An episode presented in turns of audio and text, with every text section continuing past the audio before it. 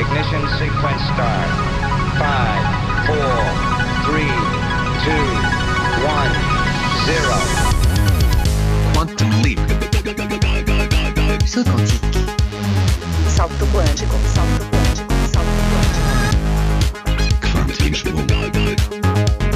Salto quantico. Salto quantico. Kvantum, det du inte visste att du ville veta. Morgens på er gott folk, Markus Rosenlund här igen. Och då vet ni vad som vankas, just det, kvanthopp.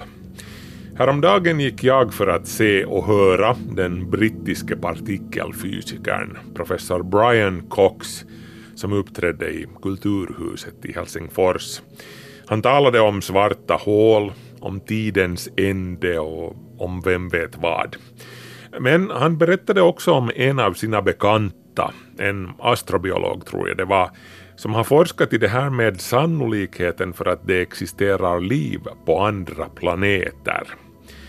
Han hade sagt åt Brian Cox att den sannolikheten är ganska hög faktiskt, men att sannolikheten för att det finns intelligent liv på andra planeter antagligen är mycket mindre än vad många tänker sig. Livet på jorden, menade alltså den här forskaren, verkar ha dykt upp här nästan så fort som vår planet hade svalnat, redan för cirka 3,8 miljarder år sedan, eventuellt till och med lite tidigare. Men då snackar vi om mycket enkelt encelligt liv. Och så här gick det på i flera miljarder år. De första någorlunda avancerade flercelliga djuren dök upp så pass sent som för 600 miljoner år sedan. Om vi använder livet på jorden som någon sorts utgångspunkt så tycks livet ha en väldigt lång startsträcka och, och mycket hinner hända under den sträckan allt från asteroidnedslag till supernova-explosioner. Livet på jorden har helt enkelt haft tur som har överlevt så här länge, menade Brian Cox astrobiologkompis. En otrolig tur faktiskt. Han menade att det är så osannolikt att livet överlever länge nog för att bli intelligent att det inte är omöjligt att det i genomsnitt kan finnas intelligent liv på så lite som en planet per galax, vilket i så fall skulle göra jorden desto mer unik och värd våra yttersta ansträngningar för att inte förstöra den. Men som sagt så finns det trots allt, om det här stämmer, massvis med planeter som hyser liv i vår galax. Det verkar nästan oundvikligt att liv uppstår om förhållandena är ens lite ditåt. Men det är sannolikt mest bara en massa urslem som guppar omkring på alla de planeterna eh, vilket skulle förklara varför vi inte har hört några utomjordiska radiosignaler trots att vi har lyssnat ganska länge efter dem. Nå, även om det bara skulle finnas en intelligent civilisation per galax så finns det ju trots allt någonting i stil med två triljoner galaxer i det kända universum. Det är en tvåa följd av 18 nollor. Ser man på saken på det viset så formligen kryllar det av intelligent liv i universum. Vi kommer bara aldrig att ha ens så mycket som skuggan av en chans att få kontakt med det livet.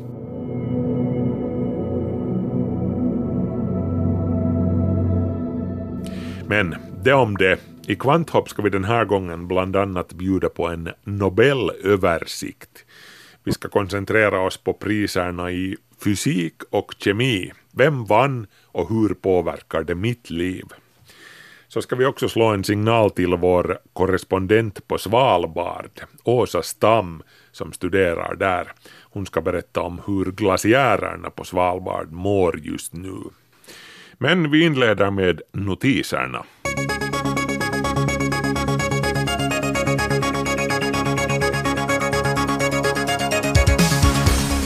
Världens odlingsmark hotar förstöras inom 60 år varnar FNs livsmedels och jordbruksorganisation FAO. Och det här betyder problem. Till exempel i Europa bidrar åkrarna med mer än 90 procent av all föda och allt djurfoder. Växthusen och fisket bidrar bara med en försvinnande liten andel av det hela. Vi är alltså mer eller mindre totalt beroende av åkrarna. En studie från Cornwall-universitetet från 2006 visade att en tredjedel av all tillgänglig åkermark har förstörts under de gångna 40 åren, bland annat på grund av erosion och utarmning. Odlingsmarken är en förnybar resurs men den förnyar sig oerhört långsamt. Till exempel i USA går odlingsmark förlorad tio gånger fortare än den hinner återhämta sig just nu. I Kina och Indien, där är takten ännu snabbare. Där förstörs odlingsmarken 30 till 40 gånger fortare än den hinner återhämta sig. Forskare som Helsingin Sanomat har talat med bekräftar att läget är allvarligt men att det ännu finns tid och möjlighet att göra någonting för att rädda läget. Men det brådskar. Forskare vid universitetet i Glasgow har lyckats framställa syre från månsand.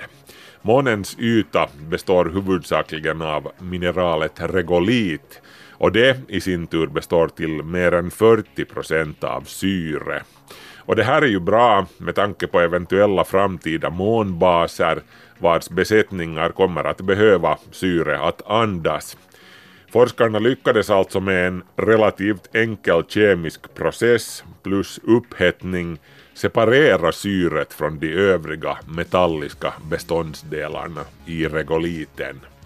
Det här betyder att eventuella månkolonisatörer i framtiden inte är beroende till exempel av isen i de djupa kratrarna vid månens sydpol för sitt syre, utan de kan i princip utvinna det direkt från själva månsanden och stenarna, där som de råkar befinna sig.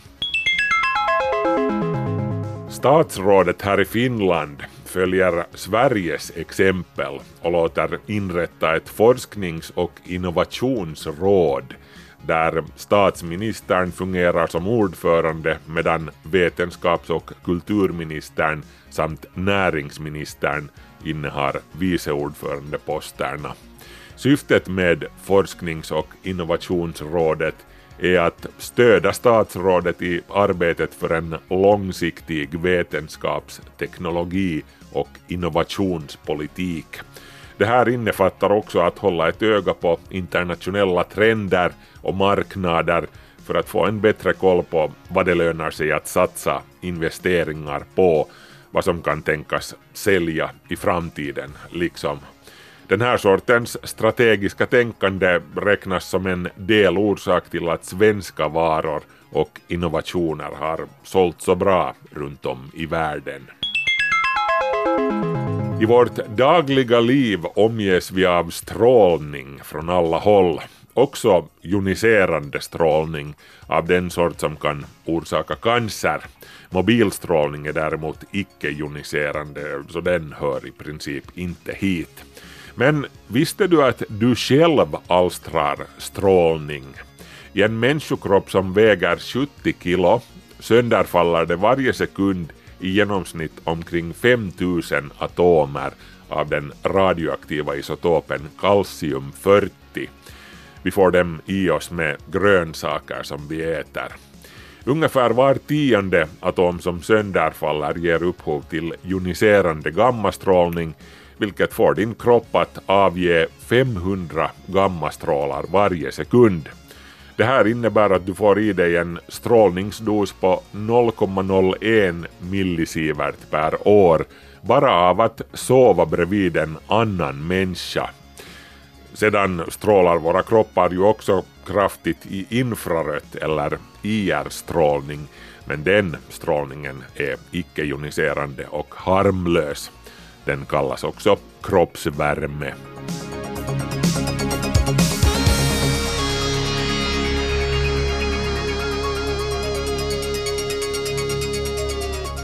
Och nu ska vi höra hur det lät i tisdags när Kungliga Vetenskapsakademins ständige sekreterare Göran K Hansson tog till orda.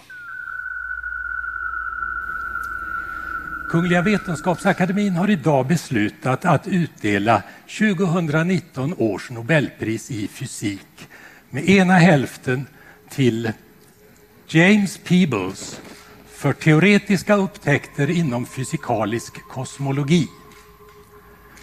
Och med andra hälften gemensamt till Michel Mayor och Didier Queloz för upptäckten av en exoplanet i bana kring en solliknande stjärna.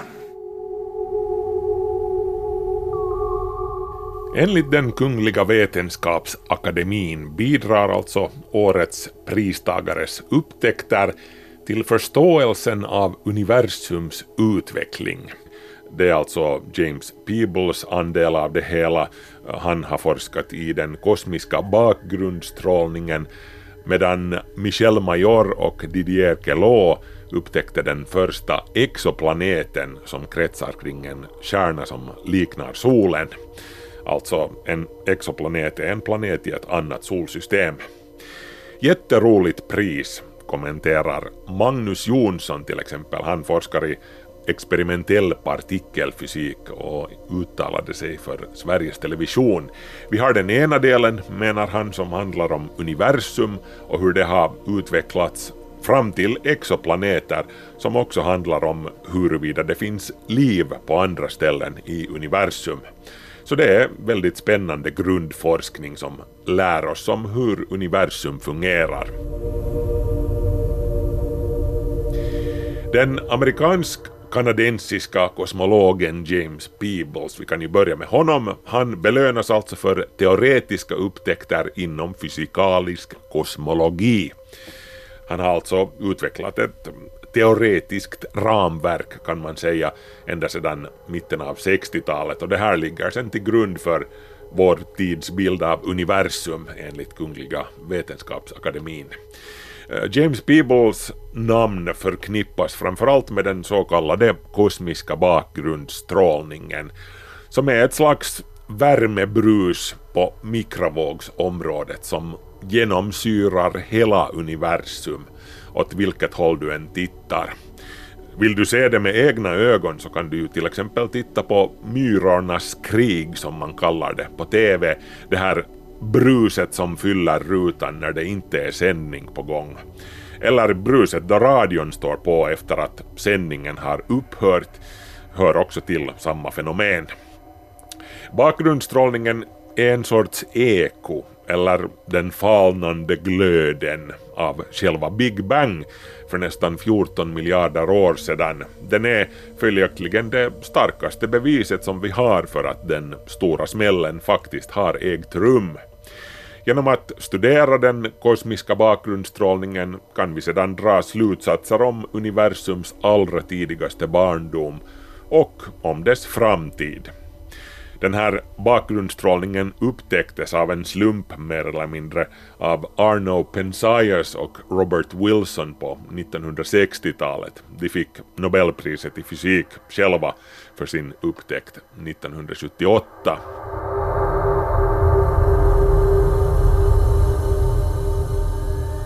Upptäckten av den kosmiska bakgrundsstrålningen och kunskapen om den som James Peebles alltså har bidragit till i väldigt hög grad öppnade också dörren till flera nya stora frågor. Plötsligt insåg vi att vi bor i ett universum där bara 5% av dess innehåll är så kallad normal materia. Allt det där som stjärnorna, planeterna, du, din katt och din kaffekokare består av. Resten, 95 procent, är okänd mörk materia och mörk energi som vi inte har en aning om vad de är. Det här mysteriet är en utmaning för den moderna fysiken och för kommande nobelpristagare kan man säga. James Peebles har hur som helst doktorerat vid Princeton-universitetet i USA där han senare fick en Albert Einstein-professur. Han är numera professor emeritus vid Princeton. Peebles deltog faktiskt per telefon i presskonferensen i samband med att hans pris offentliggjordes och han gav följande råd till dem som vill följa i hans fotspår. Lyssna noga nu. Eh, mitt råd till unga som vill in i vetenskapen. Gör det för kärleken till vetenskapen. Du bör ge dig in i vetenskapen för att det fascinerar dig. Kloka ord, vad kan man säga? Peebles fick också frågan om han tror att det finns liv på andra planeter i universum. Det ligger en djup ironi i svaret på den frågan menade han. Vi kan vara säkra på att det finns planeter som hyser någonting som vi kan beskriva som liv. Ironiskt nog kan vi också vara säkra på att vi aldrig får se det livet, sade Peebles med hänvisning till rymdens enorma avstånd.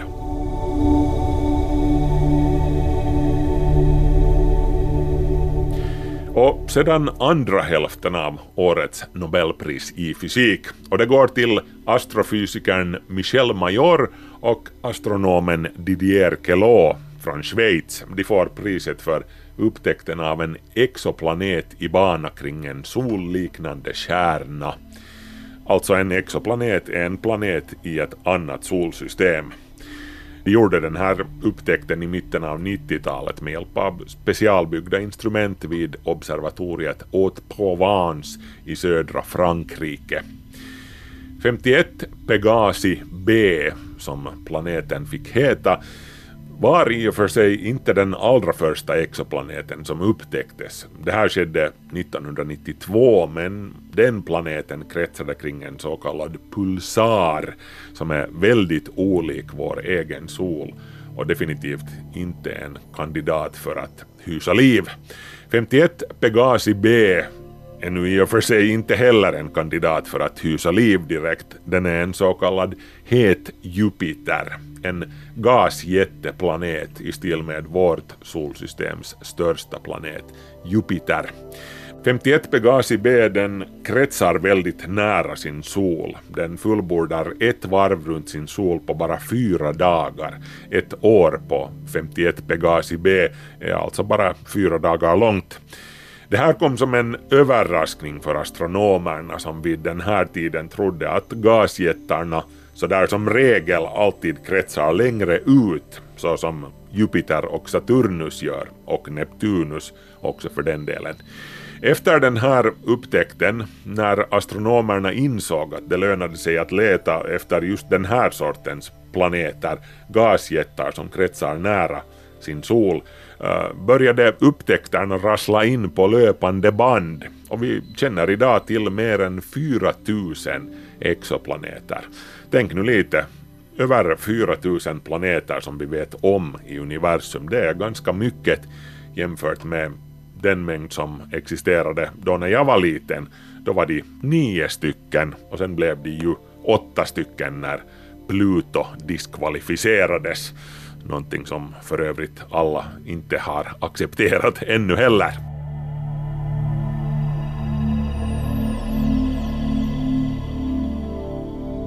Så ska vi igen höra vad Göran K Hansson hade att säga tidigare i veckan.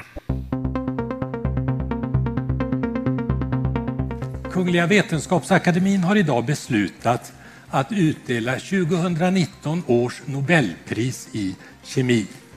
Gemensamt till John B. Goodenough, M. Stanley Whittingham och Akira Yoshino för utveckling av litiumjonbatterier. De skapade en laddningsbar värld, konstaterar Vetenskapsakademin i sitt pressmeddelande. Och vilken värld det är. Det här om någonting alltså är ett folkligt Nobelpris som alla kan relatera till på något sätt. Litiumjonbatterier, eller Li-ion som det förkortas, har bokstavligen revolutionerat våra liv och används i allting från mobiltelefoner till bärbara datorer och elektriska fordon. Jag själv kan en typisk dag då jag går till jobbet bära på inte mindre än fyra litiumjonbatterier på mig. I min laptop, i min eh, mobiltelefon, i min smartklocka och i mina trådlösa hörlurar. Litiumjonbatteriet har under en längre tid nämnts som en favorit bland Nobelspekulanterna och vadhållarna och i år blev det slutligen vinst.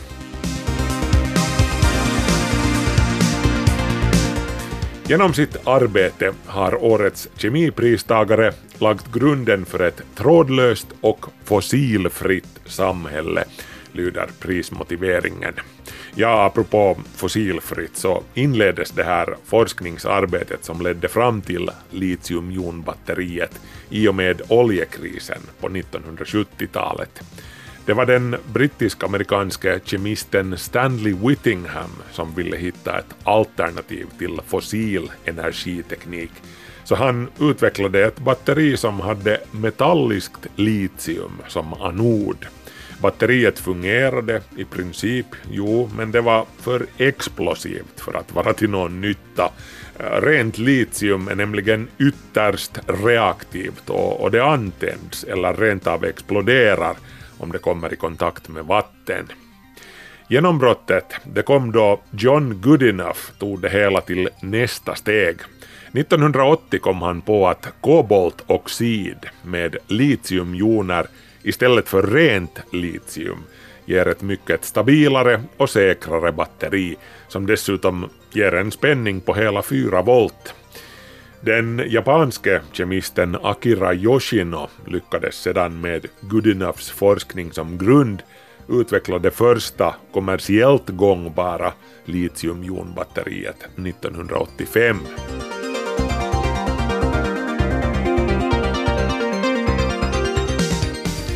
Nå, men hur skiljer sig då ett litiumjonbatteri från ett inom citat vanligt batteri?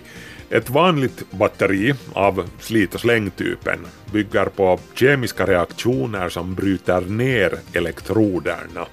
I litiumjonbatteriet flödar litiumjonerna däremot fram och tillbaka mellan anod och katod.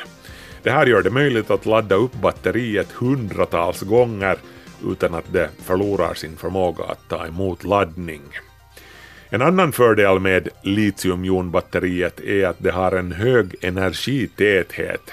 Du får ett litet och lätt batteri med en hög kapacitet till skillnad från de mycket tunga men billiga blyackumulatorerna som fortfarande återfinns i bilar till exempel. Jämfört med tidigare laddbara batterityper för elektronikprylar och annat som nickelmetallhydrid som Nokia-telefonerna hade i början till exempel, NIMH, förkortades det. Jämfört med den här sortens batterier har litiumjonbatteriet också fördelen att det inte lider av den så kallade minneseffekten. Med andra ord så förlorar det inte sin kapacitet även om man inte då och då låter det urladdas totalt.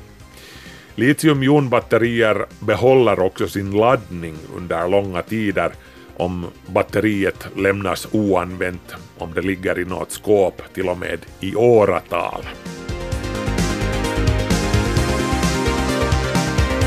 Och så har vi det här med klimat och miljöaspekten som också vägde tungt i år när man valde Nobelprismottagare. Uh, Litiumjonbatteriet fungerar nämligen också som ett komplement till de fossilfria energikällorna det här konstaterade Claes Gustafsson som är ordförande för Nobelkommittén i kemi under presskonferensen. Problemet med många alternativa energikällor som sol och vind är att de endast fungerar under vissa tidpunkter och då kommer batterierna att spela en stor roll för att kunna lagra den här energin, menade alltså Claes Gustafsson. Förresten ni österbottningar som lyssnar på det här, ni vet väl att ni sitter på Europas största förekomst av litium, främst i Kaustby, Kronaby och Karleby-trakten. Så ni har alla förutsättningar som krävs för att bli framtidens litiumshejker.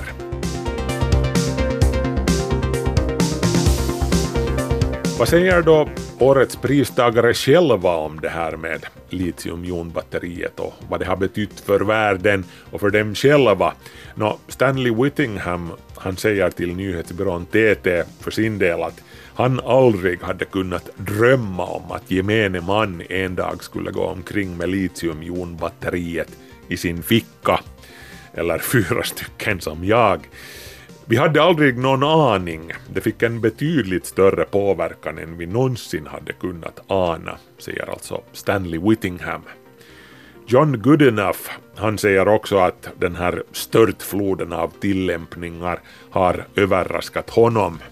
Då det begav sig var jobbet med batteriet bara någonting som man gjorde för att sysselsätta sig.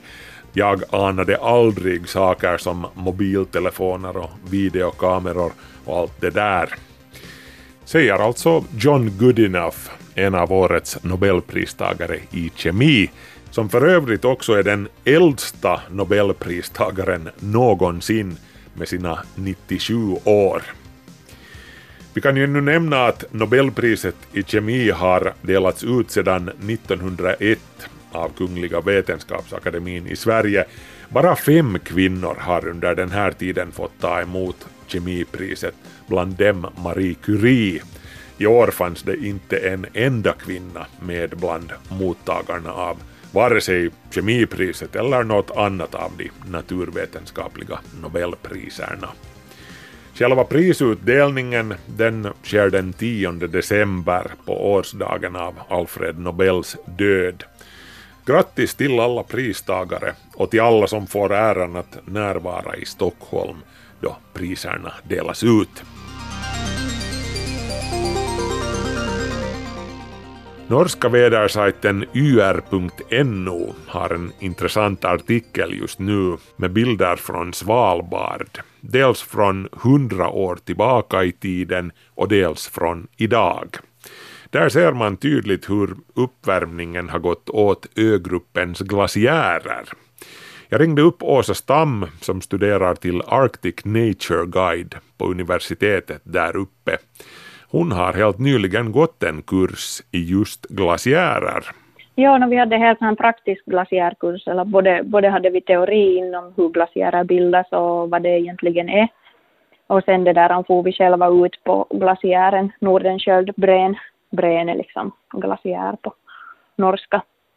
Och det där, där gjorde vi helt praktiska övningar. Det är också ganska sån här vanlig, vanlig sätt för, eller någonting som turisterna tycker om att göra, är att gå ut på glaciären och gå. Så vi fick helt så här praktisk äh, info och det där han kunde öva att hur vi räddar och, och det där han tar ut folk på glaciären. Ja.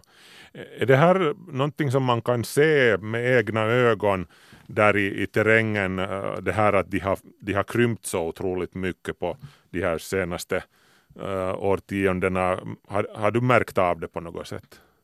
No, alltså, jag skulle inte märka det om jag inte skulle veta om det. Att vi har ju lärare som har bott här i 20 år och det där, de kan berätta liksom att okej, okay, att, att för 15, bara 15 år sedan så, så räckte den där glaciären liksom mycket längre än vad den gör idag. Och de kan liksom berätta att okej, okay, att bara vet du, fem, tio år sedan så gick vi in på glaciären redan på det här stället och nu har det liksom krympt så pass mycket att, att det där att man, de kan liksom säga att var den där glaciären har varit. och sen helt faktiskt i kartor så lokala kartor, de uppdaterar dem ganska uh, det där ofta, liksom en gång i året åtminstone här. Och det där, där är det ganska intressant, de brukar lägga liksom sån här linje att var den där glaciärkanten har varit till exempel 2018 eller 2009 eller så här. Och då kan man lite följa med också, bara genom att titta på en kart, papperskarta, att hur snabbt den där glaciären har krympt. Och det är liksom någonting som man kanske reagerar på, eller jag åtminstone reagerar på. Mm på Island hade de ju härom, härom dagen, eh, hur ska vi säga, gravöl för en glaciär som helt enkelt hade upphört att existera på grund av eh, klimatuppvärmningen som för övrigt också, åtminstone enligt yr.no, eh, spelar kanske den centrala rollen just med tanke på Svalbardglaciärernas eh, försvinnande. Eh, har någon glaciär försvunnit helt och hållet därifrån? No, mm, det vet jag faktiskt inte om någon har försvunnit helt och hållet. Här finns ju också liksom, no, ja, 60 procent av Svalbard så är glaciärer, så här finns liksom massor av glaciärer. Och det, där, det finns både stora och små. Jag kan tänka mig att några mindre har försvunnit, men äh, största delen av dem är ganska stora och det där, de krymper ju då väldigt snabbt. Men att jag tror inte att av de där större åtminstone att de skulle ha helt och hållet försvunnit. Men för att glaciärer ska ens bildas så krävs det ju kallt klimat och, och snö. Och det där, nu när klimatet blir varmare så det blir ju inte heller ny glaciär så att säga. Så högst troligt så kommer de ju att försvinna åtminstone med den här takten. Ja. Nå, hur är det, det här eh, när turister nu är där och, och trampar omkring och så här så finns det någon risk att, att har någon gått och ramlat ner till exempel i någon spricka i glaciären och, och så här? No, det händer nog ganska sällan. Att det där, folk som går ut på glaciärer så man ska ha en viss utrustning och, och det där det är inte så många som går utan den där utrustningen. Att, att då brukar man då ta med en guide som vet var man kan gå och ha den där utrustningen. Visst finns det den där risken såklart att man ramlar i en spricka, men det där det händer inte så väldigt ofta. Att det där här, här helt nära Långerbyen så finns den här Långerbrän som är den här närmaste glaciären och, och det där dit går nu turister också sådär utan guider. Men det där, där finns inte sådana jättestora sprickor, att det är mer sådana smältvattenkanaler. Ja. Och det där, där också så brukar folk liksom veta att det är liksom lite sådär, man ska vara lite äh, aktsam om man går på de här glaciärerna. Men just liksom lokalbefolkningen också så inte, inte går de sådär annars bara och dallar där i glaciärerna. Att det där, att det där, visst finns det risker också. Men just den här Långebränglaciären så den var också, tror jag, där i artikeln, så det är också bra exempel på liksom hur snabbt de krymper. Att mm.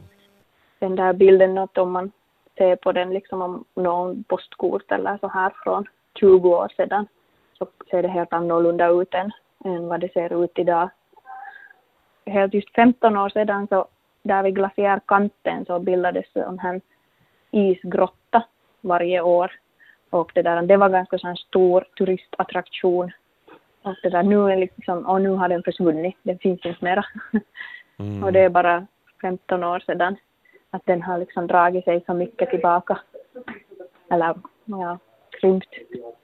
Ja, ja. Så, så det, den här avsmältningen har helt tydligt accelererat och ökat just under de här senaste 10-20 åren och så här. Ja, Ja, att det har nog, för att det är just det där att när det är mycket mildare klimat så betyder det också mera uh, nederbörd som är liksom helt enkelt vatten. Det regnar och regn är kanske det där värsta för glaciärer. Att det, då smälter det snabbt. Att ja. tidigare så att det blev mera nederbörd på grund av klimatförändringen, att det blev varmare så blev det mera nederbörd. Men då var det ändå så pass kallt fortfarande att, att det kom som snö. Och då faktiskt ja. växte glaciärerna. Ja. Men nu, nu när det har blivit så pass varmt så kommer den där nederbörden bara som vatten. Och då, då liksom krymper de ännu snabbare än vad man har det där tänkt. Du nämnde där att en av de här glaciärerna heter Nordenskjöldbrän. Ja. Det är då antar jag eh, efter Finlands stora son uh, Nordenskjöld upptäcktsresanden kan jag tänka mig. Mm. Ja. Var han där själv också?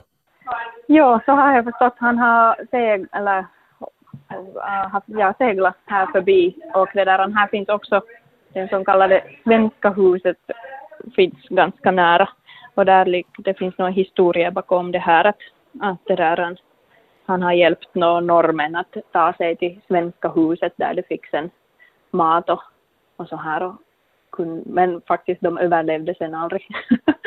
att det där, där var det där, de på något sätt tog sig aldrig sen vidare. Kanske det var för bra, bra mat och, och så här. Men, att, men ja, så det, det är enligt Nordenskiöld.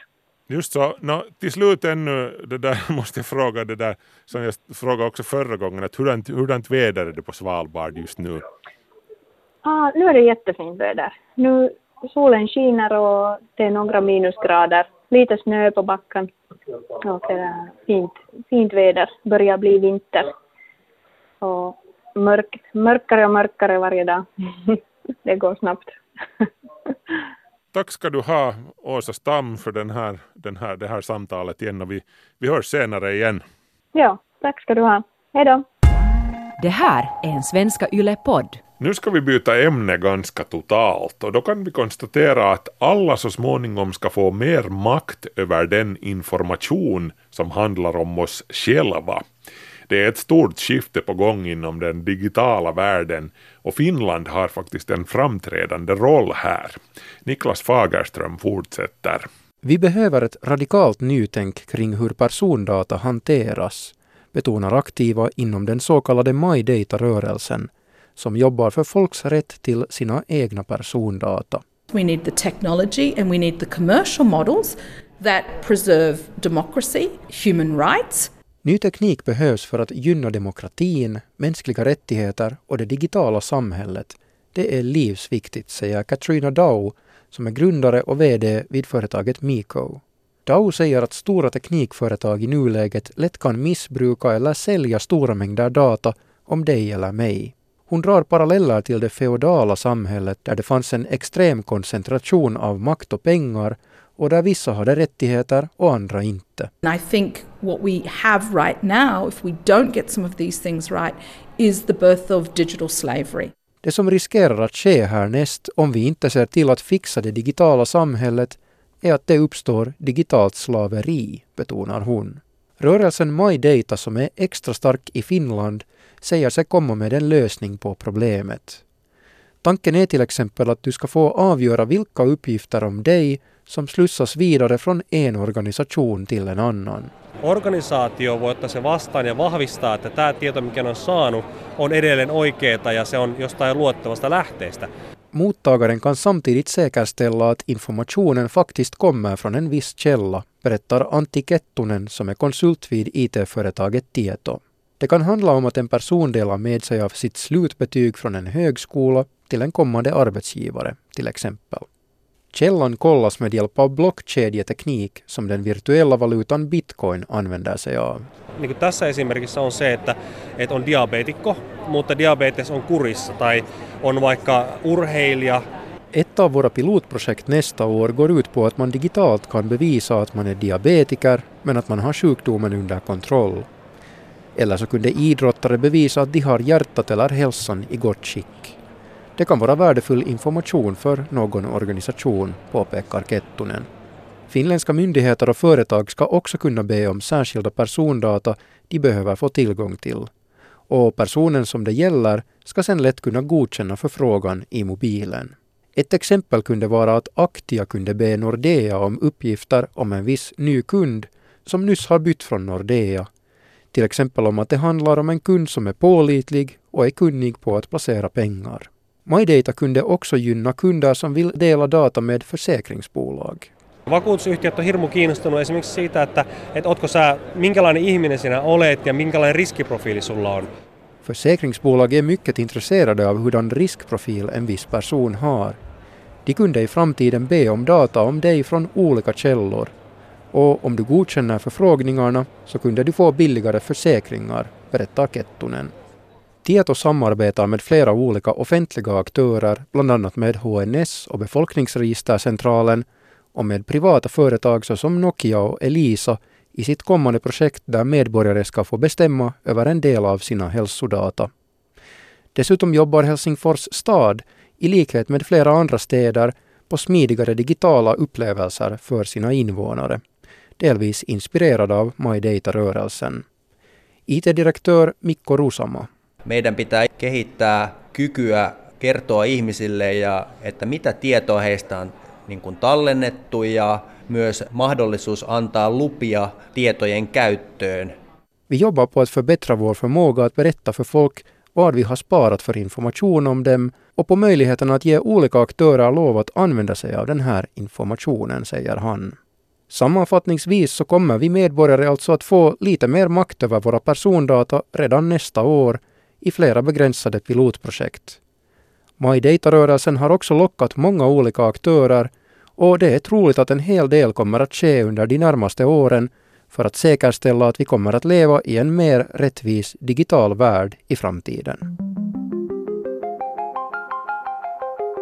Och det var Niklas Fagerström som ni hörde i det inslaget. Och mer har vi faktiskt inte tid för i det här programmet. Men vi är tillbaka igen nästa vecka med ett helt nytt program.